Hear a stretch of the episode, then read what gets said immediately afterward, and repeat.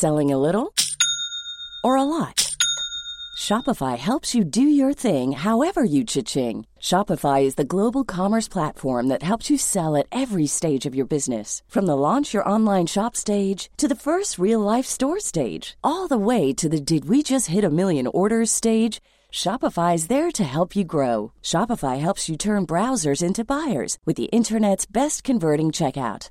36% better on average compared to other leading commerce platforms because businesses that grow grow with Shopify. Get a $1 per month trial period at shopify.com/work.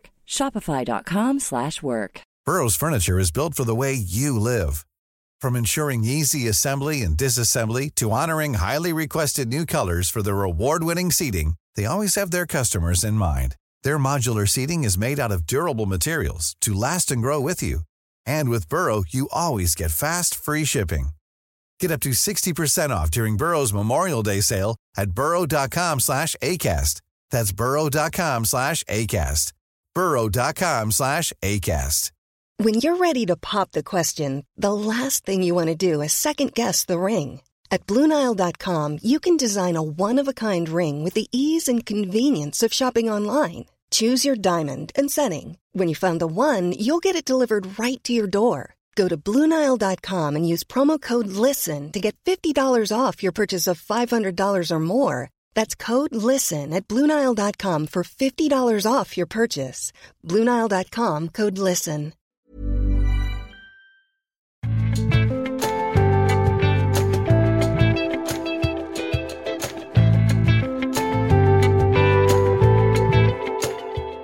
Denne ukens episode av Tore og Tarjei blir spilt inn eh, i et møterom, kan jeg vel si, i tredje etasje i hovedhuset på Oslofjord Convention Center, Melsomvik utenfor Sandefjord, Stokke i Vestfold.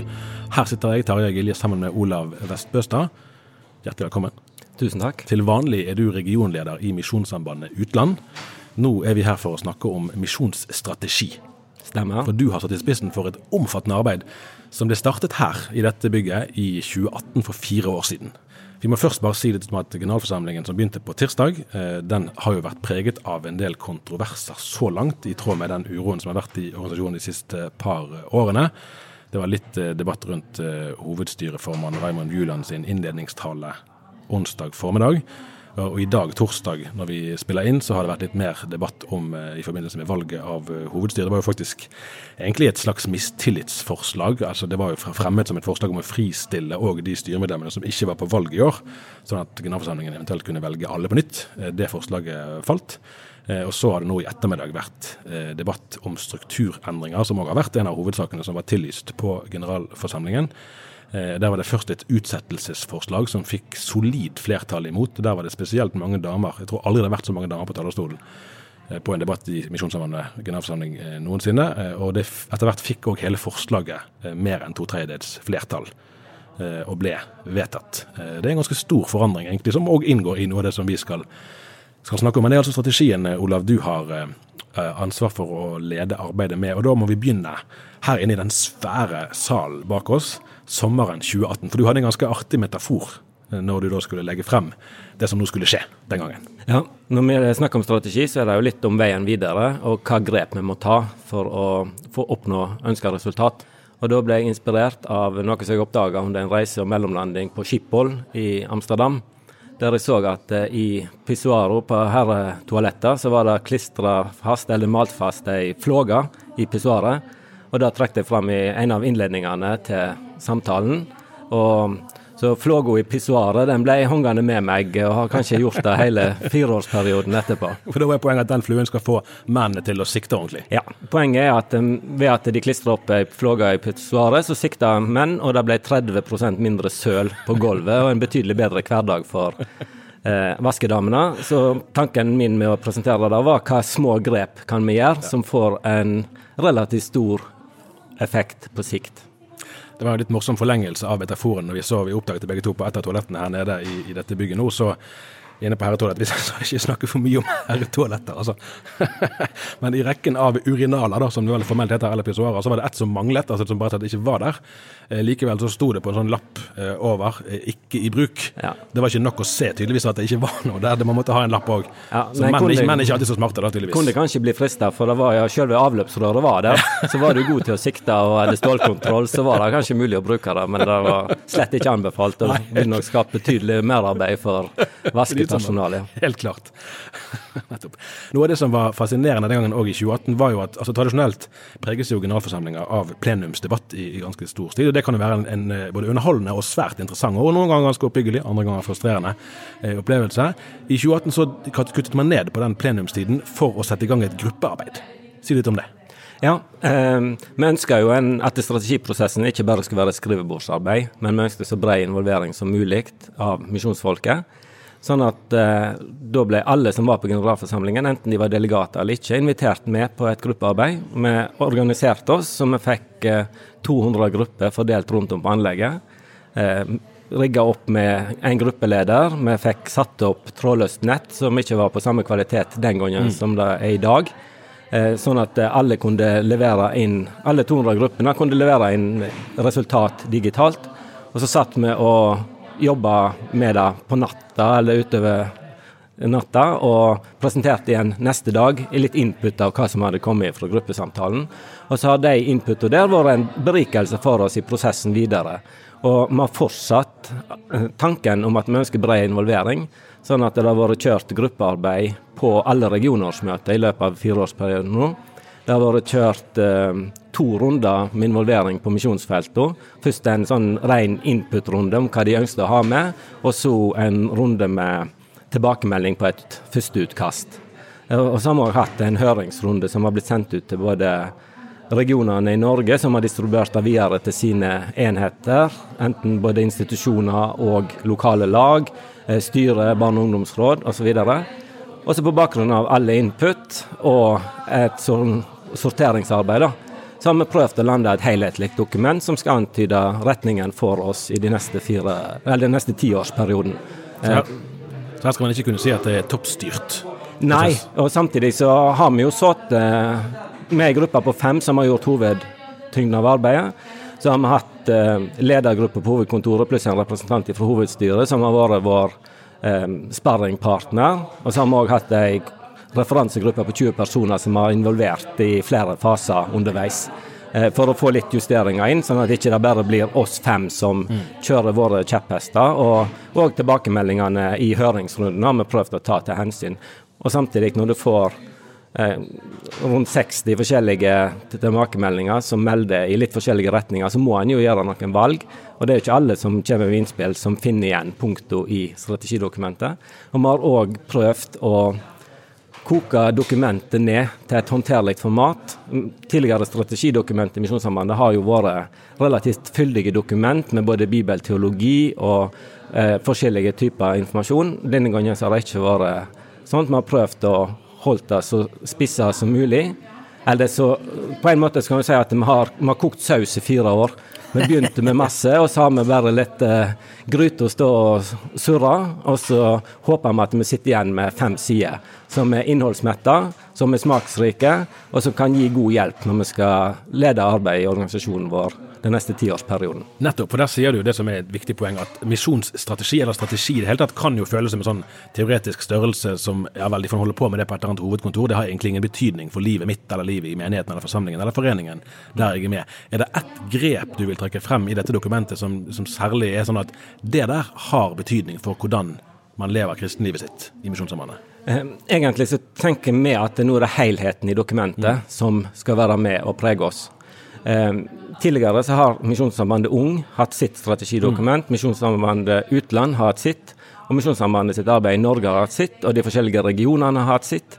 Eh, De forskjellige felt ute har hatt sine strategidokument, og det har vært ganske fragmentert i strategien. har jo forhåpentligvis vært tru imot visjonen verden for Kristus, men det har vært ganske mangfoldig. Så nå har vi prøvd å koke dem sammen til vi har landa på sju satsingsområder. Og de håper vi at er relevante for alle. Enten en er i en stor forsamling, enten en er ei lita cellegruppe, Enten en er på et misjonsfelt, eller en er i en gjenbruksbutikk, jobber på en skole osv. Så, så dette strategidokumentet ønsker vi skal være gjeldende for hele vårt arbeid.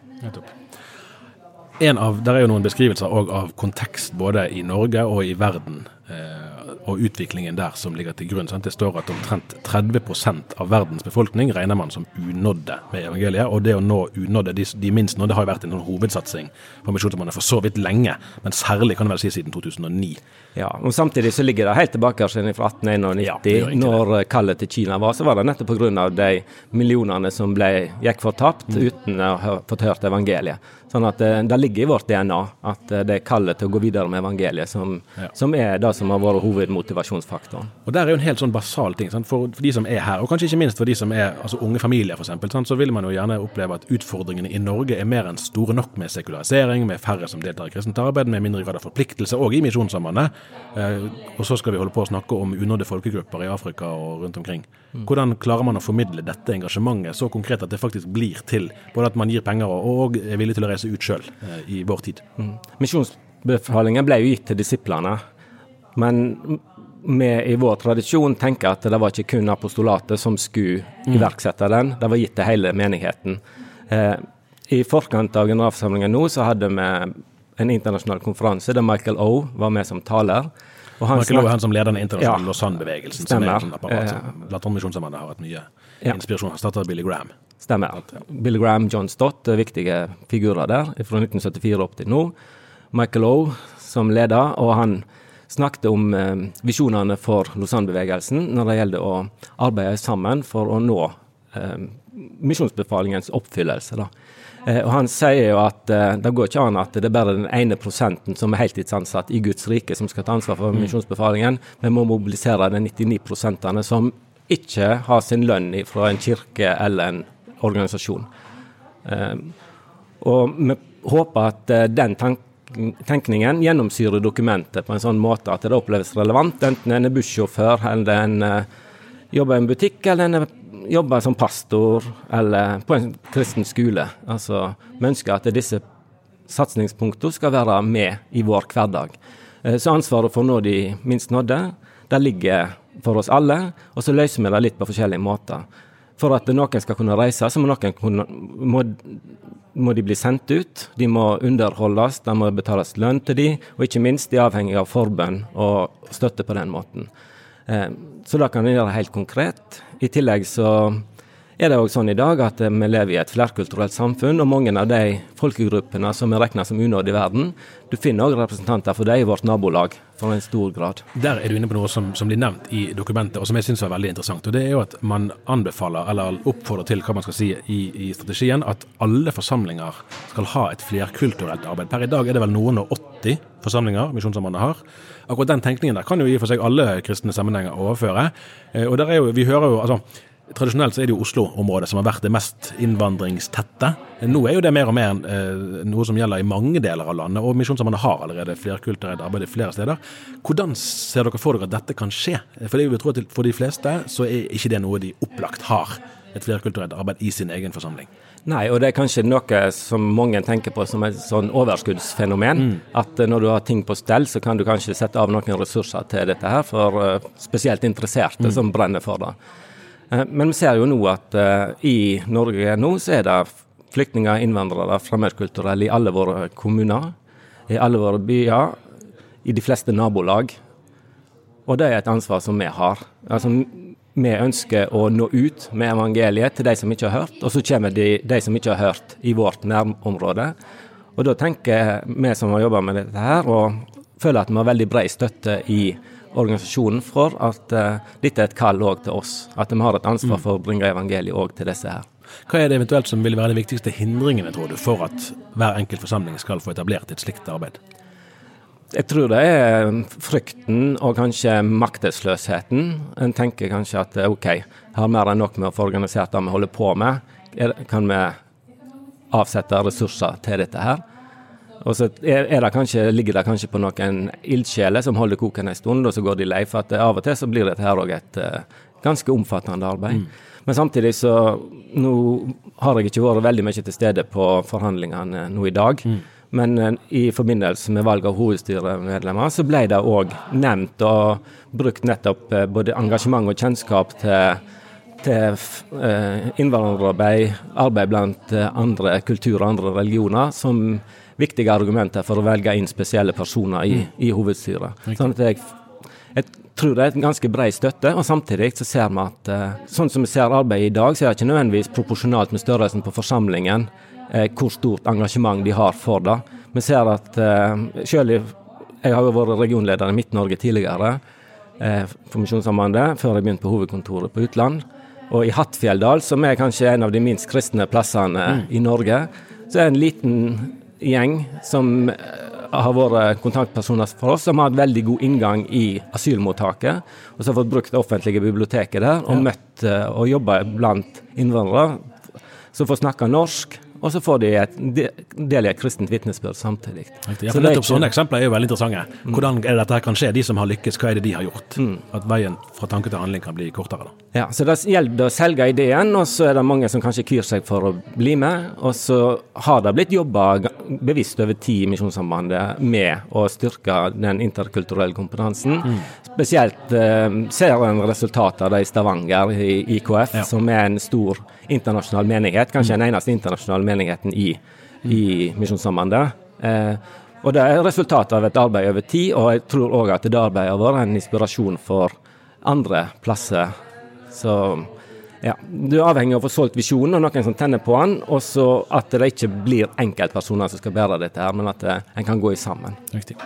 Et annet punkt som òg blir omtalt, eh, og det er òg innenriks for så vidt, eh, men det handler om barn og unge. At Der anbefales det helt konkret at man skal se til barn og unge, særlig når det gjelder ansatte ressurser. Og da med en gang blir det konkret. For alle, altså alle menigheter vil vel ønske seg flere prester og flere diakoner og flere organister og flere hva det skulle være, eh, men det er en knapphet. Og det er jo òg tradisjonelt en spenning mellom forsamling og regionleddet her. Men hvis vi begynner med det med barn og unge først, og hvordan er det det skal komme til uttrykk? Altså Hva er det man skal tenke og legge vekt på når man gjør disse prioriteringene for å følge strategien? Ja.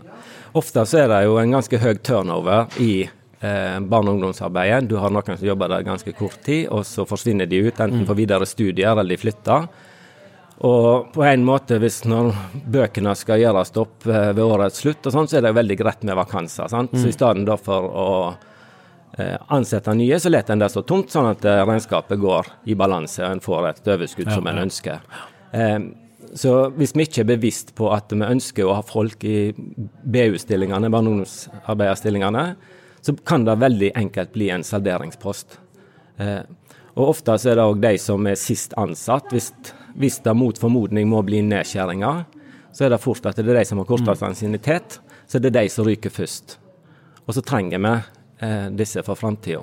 Så ser vi det òg, ikke bare i arbeidet i Norge, men vi ønsker å ha denne prioriteringen med oss uansett hvor misjonssambandet er. Så F.eks. i Japan så jobber vi sammen med Vest-Japan evangelisk-lutherske kirke, mm. som opplever en pastormangel, eh, og som tenker at eh, de ønsker spesielt at vi sender misjonærer til Japan som kan gå inn som pastorer i lokale mm. japanske menigheter. Og Misjonssambandet har hatt en tradisjon for det helt siden helt siden kirka ble starta for 70 år siden. Men det har vi gått bevisst i dialog med kirka og sier at eh, nå ønsker vi å hjelpe dere heller med BU-arbeidet, som er med å styrke den biten. Vi har ikke mulighet til både sende pastorer og til å styrke barne- og ungdomsarbeidet, og vi ønsker nå å hjelpe dere med barne- og ungdomsarbeidet. Da må vi snakke med dem og selge inn vår visjon, og så ser vi samtidig at den kirka som vi jobber sammen med i Japan, som er frukt av vårt arbeid gjennom mange år, de sliter med rekrutteringen. Og de sliter med rekruttering både til ansatte, men òg til yngre i, i kirka. Sånn at hvis ikke en får ny generasjon inn i menighetene, så vil den kirka som er skjør i utgangspunktet, eh, ha en enda dystrere framtid. Så det var feil. Jeg sa til å begynne med at dette er en innenriksutfordring. Dette er ikke bare en innenriksutfordring. Eh, og det som ofte er tilfellet, er jo at eh, barn og unge er ikke nødvendigvis de som taler sin egen sak. Mm. Sånn at vi må ja, det, det, er jo en sånn utslitt frase, kanskje. Vi har en stemme for det stemmeløse, mm. og, og tenke på noen som ikke nødvendigvis roper høyest sjøl.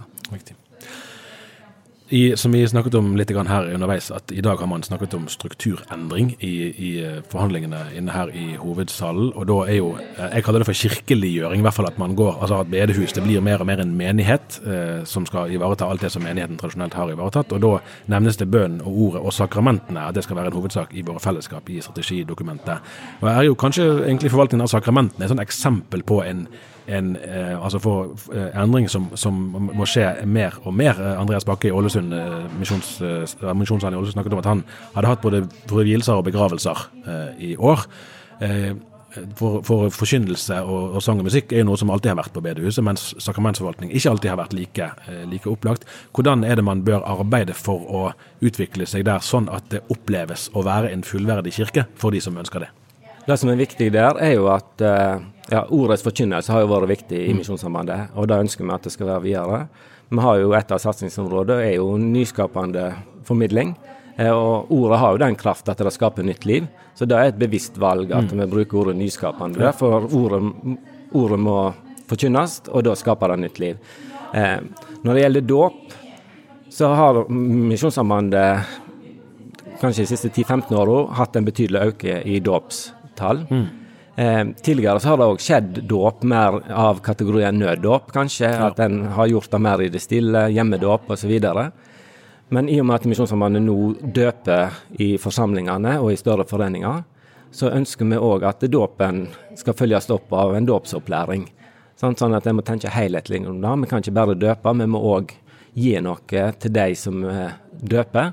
Både til de og familiene deres, sånn at uh, vi står ansvarlige for at uh, som ønsker en, eh, en forsvarlig forvaltning av sacramento med oppfølging og en bevissthet rundt det. Det har jo òg vært et, et prosjekt, prosjekt, eller en prosess gående som gjelder altså utvikling av liturgi, kan du vel si, for bedehuset. Eh, hvordan henger dette sammen med strategien som, eh, som formodentlig blir vedtatt? Ja, Det har jo vært flere prosesser som har gått parallelt her. En er jo det med strukturendring mm. som har gått. Jeg har hatt arbeid med liturgi som har gått på parallelt i løpet av denne fireårsperioden. Mm. Sånn at um, vi har ikke kikka veldig mye i hverandre sine dokument, men vi har jo ant litt hva retning mm. ting går i, og hva, hva, ønsker som ligger bak de prosessene som er. Og så har vi prøvd å ta hensyn til det, sånn at uh, strategidokumentet er med og drar i samme retning. Ikke at vi får noe sånn i ting som motarbeider seg sjøl, som fort kan bli når en har flere parallelle prosesser som går. Mm. I eh, forbindelse med beskrivelsen av situasjonen, og det her tror jeg det er mest eh, i Norge, da, selv om det ikke bare gjelder eh, der, eh, så, så, snakker man om, om, den kulturelle utviklingen. Færre som kjenner til eh, kristen tro, mindre kristendomsundervisning i skole osv. Og, og da står det om å forkynne evangeliet på en relevant måte. Og Hvis man snur på det, hva, hva er det som da vil være en irrelevant måte å forkynne evangeliet på? Ja, Der må jeg korrigere deg igjen, for dette gjelder ikke bare i Norge. Eh, skal du forkynne om at det er bra å bli korrigert. Det skal bli kvitt som snø, så funker det dårlig mm. i Afrika sør for Sahara, der de kanskje aldri har sett snø. Altså En kan bruke ord og begrep som for oss som er vokst opp med det, mm. gir en god mening. Mm. Men for folk som vokser opp nå, eller som ikke har noen kristen bakgrunn, så kan det virke helt gresk. Mm. Eh, sånn at eh, det med kontekstualisering, tilpasning til lokale forhold, bruke et språk som gjør at eh, innholdet blir så intakt som mulig. For vi ønsker jo at det er det gamle, evangeliet, gamle evangelium som skal forkynnes, men det må forkynnes på en sånn måte at det, det skaper den frihet som evangeliet var tenkt til å gi, og som det eh, gir. Så det, det, er litt den samme utfordringen uansett hvor en er. altså at vi må Det nytter ikke bare bruker de frasene som jeg vokste opp med. Jeg kommer fra Fitjar på Stord sjøl, gått på bedehuset der og hørt. Uh, likte godt vitnemøter når jeg var liten, om hva de sa der. Og mye av det som ble sagt der, var jo gav god mening der, i en bondekultur, småbrukskultur. Men det er ikke sikkert det fungerer i en urban setting i Japan i dag. Akkurat. Eh, siste spørsmål, da må jeg gi litt kontekst her først. Som sagt så sitter vi på Oslofjord Convention Center. og Da passer det med en illustrasjon fra eh, eh, kollega Alf Jøsund, som nå er i Vårt Land TV, sjefredaktør der. Han vokste jo opp i Brunstad Christian Church, kjent som Smiths venner. og Dette er jo historisk deres eh, hovedsete. og Han har fortalt om fra sin ungdom så hadde de noe som kalte for Brunstadsyken. og Det gikk ut på at folk bodde i telt, og hvis da noen fikk magesjau, så spredte det seg ganske fort. Eh, fordi man bodde som man bodde. Nå er jo dette et fantastisk eldorado av et konferanseanlegg. De snakker om 9000 overnattinger. Oslo Plaza gange et eller annet. Eh, så nå er jo standarden veldig høy. Og noen spøker om at vi kunne tatt, eh, hvis det var mulig å finne fotografier av bilparken på Misjonssambandets generalforsamling i 1972 eller 75 eller når det var, og sammenligne den med bilparken i dag, så sier vel det noe om at den materielle velstanden òg har gjort seg gjeldende her, i tråd med at innlosjeringen er blitt en helt annen. Eh, det står òg om å holde frem måtehold og nøysomhet som gode idealer i strategiplanen. Hvordan skal det skje i Norge i 2022? Ja, det er en kjempeviktig utfordring du peker på, Terje. Og en av, en av de tingene som vi ser, er jo at uh, det å melde seg på generalforsamlingen her, det krever en viss økonomi. Mm. Eh, og mange av de som skulle ønske var her, har ikke råd til å komme. Mm. Nei, Det er en reell problemstilling. Det er en reell problemstilling. Jeg vet folk som eh, takker nei til å mm. dra for at eh, prislappen ble for høy. Eh, og det er jo veldig dumt at de blir utestengt. At en får en segregering blant de som har penger. Og da er en tilbake og de som ikke har. Så en sitter kanskje fort i Korinterbrevet igjen og, mm. og, har noen som koser seg på OCC, ja, ja. og så har du andre som ikke har sjanse til å komme her, og som ser med lengsel på streamen og mm. alt som foregår her. Skulle ønske at de kunne være her. Eh, så det er en ting som ligger her, og vi ser òg ja, bare sånn som så i forbindelse med matutdeling her. Det er ganske mye engangsmateriell som går, og jeg håper at det mesteparten er resirkulert, og mm. søppelhåndtering og sånn. Eh, vi har et punkt om at en ønsker ta, at vi skal ta hensyn til sånne ting i våre arrangement òg. Mm. Eh, så det er jo spennende å se om, hvis dokumentet blir vedtatt nå i morgen, eh, vil det ha noe med tanke på forhandlingene med arrangørsted på generalforsamlingen om tre år. Mm. Eh, for vi har et ansvar, vi som er en privilegert del av verden òg, å forvalte våre ressurser på en sånn måte at ikke vi legger stein til byrden for de som er i mer sårbare strøk. og vi, vi ønsker egentlig å dele det gode vi har med andre. og Derfor er òg måten vi håndterer våre ressurser, våre verdier, den, det er òg en del av vår gudsdyrkelse å gjøre det på en ansvarlig måte. Jeg husker det fra, altså fra generalforsamlingen i 2012. Eh, og Det var den første generalsekretæren når Øyvind Aasland begynt som generalsekretær. Da snakket han om eh, måte, klima- og forvalteransvaret som en del av misjonsrådet. Jeg tror var første gang at det skjedde i Misjonssambandet. Så har det gått eh, ti år. og Det har jo vært fremme fra tid til annen. Og det er, som du sier, omtalt nå spesifikt i strategidokumentet. Hvordan opplever du at det går med, med forvalteransvaret da, og bevisstheten rundt det, som, ikke som misjonskallets fiende, men som en del av det blant misjonsfolket i Misjonssambandet? Jeg tror det er veldig stor forskjell hvordan en tenker om det. Noen tenker jo at evangeliet har hast, og derfor så ja, og denne verden som vi lever i, den skal gå under. Mm. Eh, og vi kan ikke snu den utviklingen. Det er en del av syndefallets realitet. Himmel og jord skal få gå, men eh, Guds ord skal stå fast, og vi har en evig herlighet i vente på den nye jord. Mm. Eh, og den eh, prosessen kan ikke Misjonssambandet stoppe, uansett om vi eh, slutter med engangsartikler eller ikke. Eh, men samtidig så har vi òg et ansvarlighetsperspektiv som jeg tror de fleste kjenner på. Eh, vi ønsker at midlene som vi har, skal nå lengst mulig. Vi ønsker at eh, Misjonssambandet ikke skal være lønnsledende.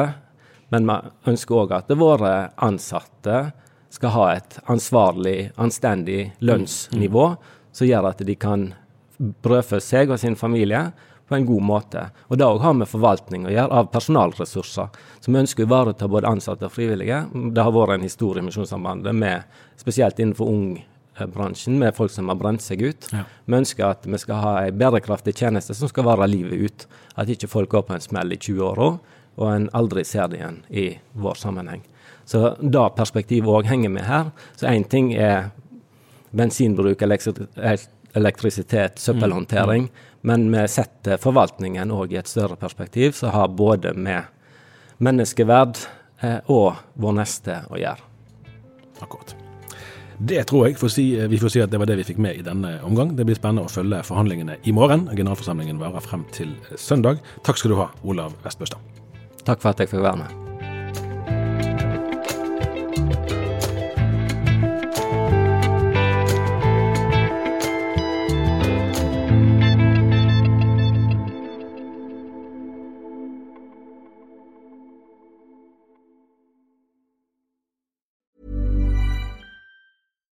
Flexibility is great. That's why there's yoga. Flexibility for your insurance coverage is great too. That's why there's United Healthcare Insurance Plans.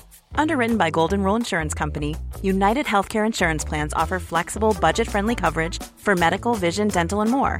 One of these plans may be right for you if you're, say, between jobs, coming off your parents' plan, turning a side hustle into a full hustle, or even missed open enrollment. Want more flexibility? Find out more about United Healthcare Insurance Plans at uh1.com. Hey, it's Danny Pellegrino from Everything Iconic.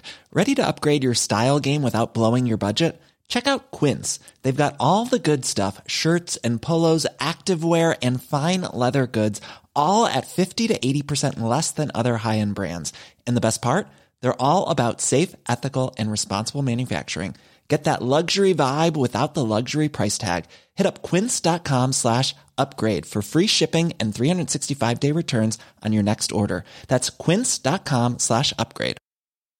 Hi, I'm Daniel, founder of Pretty Litter. Cats and cat owners deserve better than any old fashioned litter. That's why I teamed up with scientists and veterinarians to create Pretty Litter. Its innovative crystal formula has superior odor control and weighs up to 80% less than clay litter. Pretty Litter even monitors health by changing colors to help detect early signs of potential illness. It's the world's smartest kitty litter. Go to prettylitter.com and use code ACAST for 20% off your first order and a free cat toy. Terms and conditions apply. See site for details.